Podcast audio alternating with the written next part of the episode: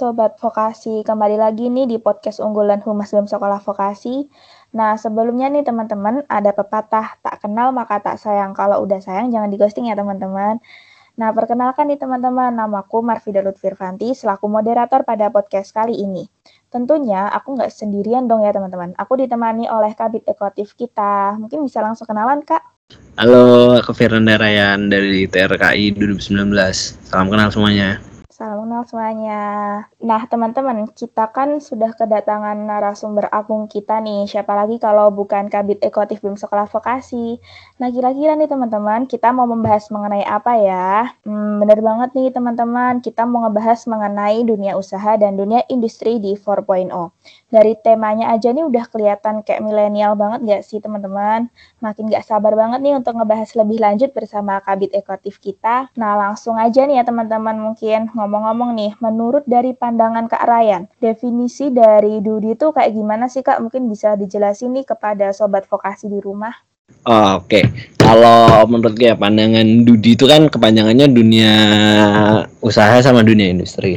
Kalau dunia usaha itu dia itu uh, berwirausaha dalam artian itu dalam skala kecil kalau pendapatku ya. Tapi kalau misalkan dunia industri itu dalam skala besar, dalam artian itu uh, skala besar itu yang aku maksudin itu dia sudah bisa berproduksi uh, melakukan produksi dengan skala besar atau skala ya pabrikan. Nah, kalau misalkan dunia dunia usaha itu dia itu lebih ke skala kecil, misalkan perorangan uh, terus distributor. Jadi mungkin dari industri ini nanti masuknya ke seorang usahawan. Nah, usahawan ini nanti yang memberikan produk dari industri ini ke masyarakat luas atau ke konsumen. Kayak gitu sih kalau menurutku ya. Oh, jadi tuh kayak industri tuh produsennya gitu ya, terus uh, usahanya tuh kayak distributornya gitu nggak sih, Kak? Ya, bener. Kurang lebih kayak gitu kasarnya. Oke, makin gak sabar banget nih, excited banget nih aku buat ngebahas lebih lanjut tentang Dudi. Nah, kalau boleh tahu nih Kak, bentuk kemitraan atau kayak lebih simpelnya tuh bentuk kerjasama gitu yang terdapat di dalam Dudi menurut Kak Ryan tuh kayak gimana nih Kak, bentuk kerjasamanya? Kerjasamanya itu antara industri sama dunia usaha? Iya betul Kak, menurut pandangan dari Kak Ryan aja nih. Kalau pandanganku, setahu aku, sepengalamanku ya, dulu aku tuh pernah uh, nyoba gula sama orang tua aku kan. Itu aku ngambil dari pabrik itu sekitar 25 ton Nah, dari ini ini ambil contoh ya. Nah, di sini uh, yang dijadikan sebagai industri itu pabrik yang aku ambil gulanya.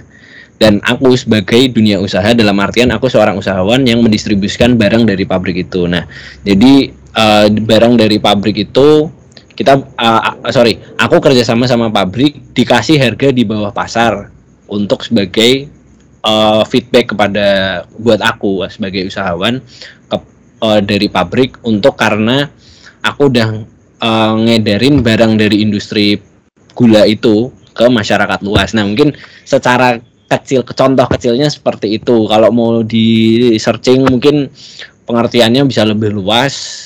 Kemudian uh, lebih cakupannya lebih luas, uh, lebih besar lagi gitu karena uh, ini yang aku pernah alamin aja sih menurutku kalau sepengertianku kayak gitu jadi aku sebagai distributor dan industrinya itu yang uh, yang aku contohkan tadi pabrik gula itu sebagai produsennya kayak gitu Oh gitu. Kalau misal kayak produk eh produk apa pabrik Apple tuh kan di luar di luar negeri terus masuk ke Indonesia di Indonesia tuh ada pabrik Apple-nya itu juga termasuk nggak sih kak?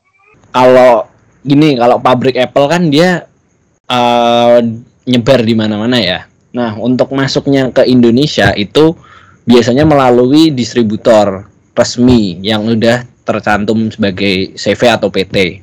Itu contohnya kayak iBox, terus Erafone dan segala macam. Nah, nah itu mereka kerjasama sama pabrik pabrik Apple ini untuk membantu memasarkan produk Apple tersebut. Nah, tapi uh, kemudian feedback yang didapat dari distributor itu pasti harga di bawah pasaran luas yang dikasih itu harga harga distributor nah jadi feedbacknya kepada distributor itu tadi uh, uang itu yang diberikan harga di bawah pasar sehingga biar distributor itu bisa bersaing juga di luar untuk mengedarkan barangnya kayak gitu.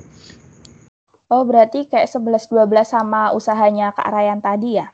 ya kurang lebih mirip-mirip kan aku ambil contoh kecilnya yang aku pernah alamin nah ini mungkin skala besarnya yang kayak tadi itu Iya betul betul. Kalau masalah franchise gitu gimana ya kak? Kayak misal Ngikan tuh, Ngikan kan pusatnya tuh di Jakarta ya, tapi sekarang udah kayak banyak banget outlet-outletnya di Solo, di Semarang. Nah itu termasuk kerjasama di bidang Dudi nggak sih kak? Mungkin bisa jadi, tapi uh, industrinya ini kan industri makanan, tapi uh, yang aku kalau mis kalau setahu aku ya industri itu kayak misalkan kayak Fiesta terus So Good itu kan mereka memproduksi barang dalam skala besar. Tetapi kalau misalkan kayak ngikan itu kan mereka men, uh, kalau franchise itu contohnya ngikan tadi itu mereka menjual brand mereka untuk uh, masyarakat luas juga bisa membuka cabang kayak gitu. Jadi ibaratnya kayak beli brandnya dia untuk mereka juga jualan kayak gitu. Nah misalkan terus dikasih resep-resepnya dari ngikan terus uh, dikasih standarnya ikan itu restorannya seperti apa misalkan harus ada AC segala macamnya kayak gitu. Itu mungkin juga bisa bentuk uh, kerjasama mungkin lebih kurang cocok sih lebih cocoknya itu ya kerja sama sih bener sih kerja sama. Kayak mereka itu beli produknya uh, beli brandnya mereka dalam jangka waktu tertentu kayak gitu. Oh jadi kalau misal franchise itu bentuk kerjasama cuman alirannya tuh beda gitu ya sama yang Apple sama yang usahanya Kak Rayan tadi gitu ya Kak? Betul agak beda dikit. Cuman kurang lebih sama. Cuman agak beda. Iya paham paham. Nah Uh, untuk kaitannya Dudi nih dengan era industri 4.0 tuh kayak gimana sih Kak? Kan pendengar-pendengar setia podcast BEM Sekolah Vokasi ini kan kebanyakan anak milenial ya. Pastinya tuh tertarik banget nih kaitannya Dudi sama era di 4.0. Oke, kalau menurutku 4.0 itu kayak generasi kita mungkin ya di zaman kita kan. Iya betul di zaman yang serba canggih banget ini serba HP, uang aja ditaruh di HP. Hmm, Oke, okay. mungkin pengaruhnya besar banget sih. Kalau zaman dulu mungkin aku kalau dengar-dengar cerita itu mereka jualan itu memang benar-benar dari toko ke toko, terus ngedarinya pakai brosur, pakai pamflet, terus dan segala hal-hal lainnya. Itu kan mungkin di zaman dulu karena memang belum 4.0 ya. Nah, sekarang udah 4.0 banyak media yang bisa dipakai contohnya kayak media sosial, terus internet uh, dari uh, medsos itu tadi. Nah itu kan bisa memangkas. Kayak misalkan uh, seharusnya misalkan zaman dulu itu harus apa namanya harus mutar satu-satu ke toko-toko. Nah itu kalau sekarang kan tinggal posting di sosmed semua orang lihat. Bahkan mungkin kalau uh, kalau misalkan kita muterin satu-satu kan cakupannya hanya cakupan kecil. Nah kalau sosmed itu kan cakupannya satu Indonesia bahkan satu dunia. Kalau menurutku pengaruhnya sangat besar di dunia industri sekarang. Berarti kayak dampak positif dari sosmed itu kalau digunain secara benar-benar tuh emang besar banget ya kak?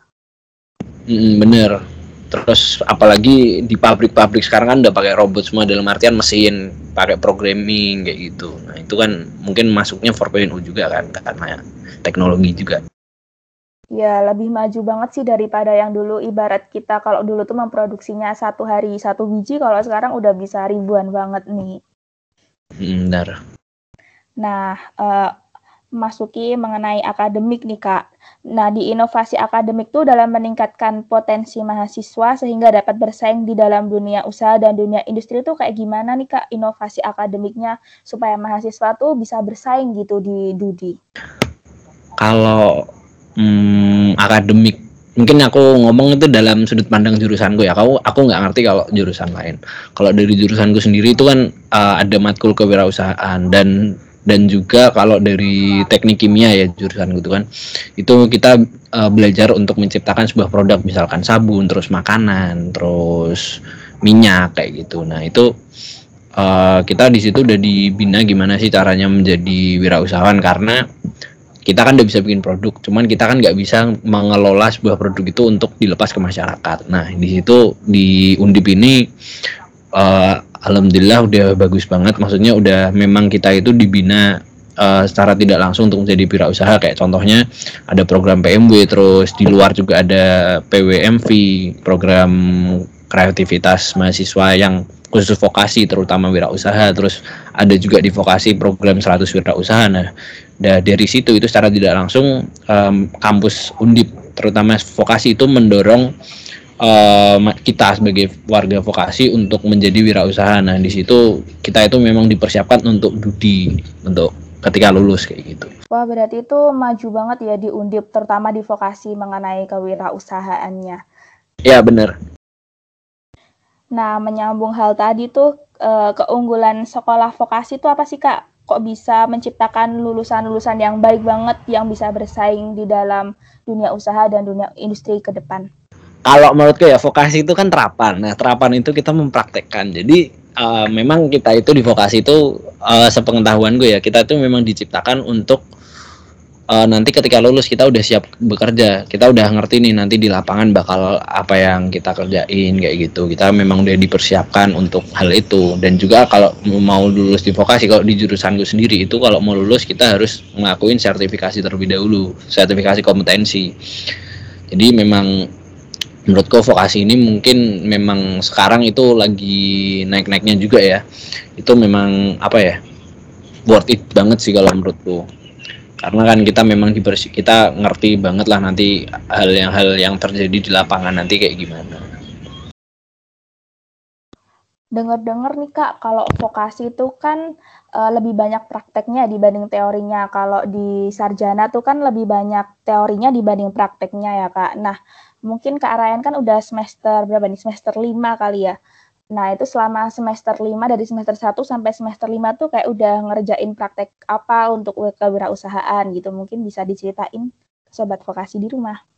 Oke, kalau mungkin di jurusanku aku tuh udah praktikum itu bikin mayones, bikin es krim, hmm, kemudian nanti di depan uh, bikin apa ya, bikin bikin produk bubuk minuman minuman bubuk. Nah, dari itu kan kita udah bikin nih sabun, mayones, kemudian es krim itu kan sebuah produk yang bisa dipasarkan ke luas. Nah, dari situ kita udah bisa bikin produk nanti terus kita tinggal belajar kewirausahaannya seperti apa gimana caranya kita mengemas produk yang bisa kita hasilkan untuk dilepas ke masyarakat luas. Wah keren banget nih ya kak, ternyata vokasi itu baru semester 5 aja udah disuruh menca eh, disuruh membuat produk-produk baru nih ya kak. Udah, Betul udah siap banget untuk bersaing di dunia usaha dan di dunia industri. Oh iya, BTW nih Kak, denger-denger Ekotif BMSV lagi bikin burjo ya Kak. Nah, aku tuh excited banget nih Kak, sama kepo banget. Kok bisa sih sekeren ini Ekotif BMSV? Mungkin bisa banget nih Kak diceritain pengalamannya, tahap-tahapannya bikin burjo, terus kayak kendala-kendalanya tuh apa aja sih? Biar sobat vokasi di rumah tuh tahu betapa perjuangannya Ekotif bikin burjo VJ.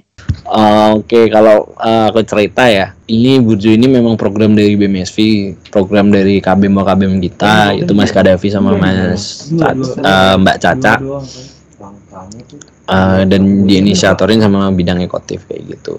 Itu mulai dari kita konsep, cari tanah, terus bikin teknis segala macamnya itu uh, kita bidang ekotif dibantu sama korbit kita juga Mas Gimnas itu benar-benar kita diperas sih keringatnya sih tenaga pikiran semuanya diperas. karena kita mendirikan sebuah usaha kayak gitu nggak gampang. Kita ngitung HPP terus ngitung BEP-nya terus uh, ngitung gaji karyawannya dan segala macamnya kayak gitu. Terus uh, nyusun manajemennya juga uh, dari keuangan, marketing, purchasing, terus dapurnya juga.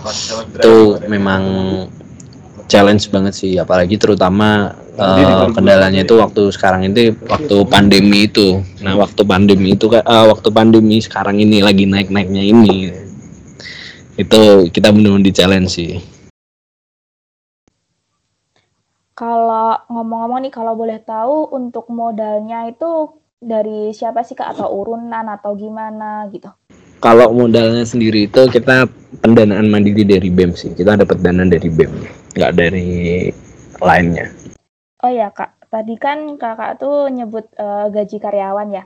Nah itu kalau boleh tahu tuh karyawannya tuh dari anak sekolah vokasi sendiri atau anak yang udah lulus atau gimana nih kak? Kalau untuk saat ini sih kita masih ngambil dari mahasiswa vokasi sih.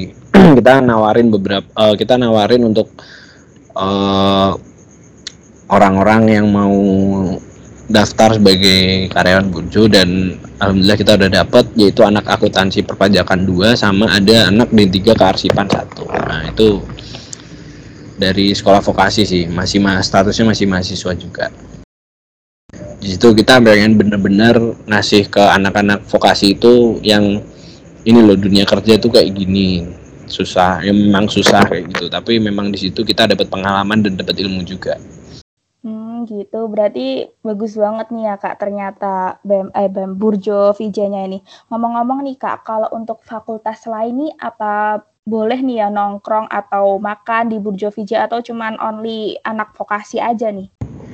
kalau ditanya kayak gitu jelas pasti boleh karena waktu awal-awal pun kita ngundang bimbing fakultas lain kemudian ada anak senat juga terus ada media-media kampus juga kayak LPM Manunggal LPM Cakrawala kayak gitu. Kita undang.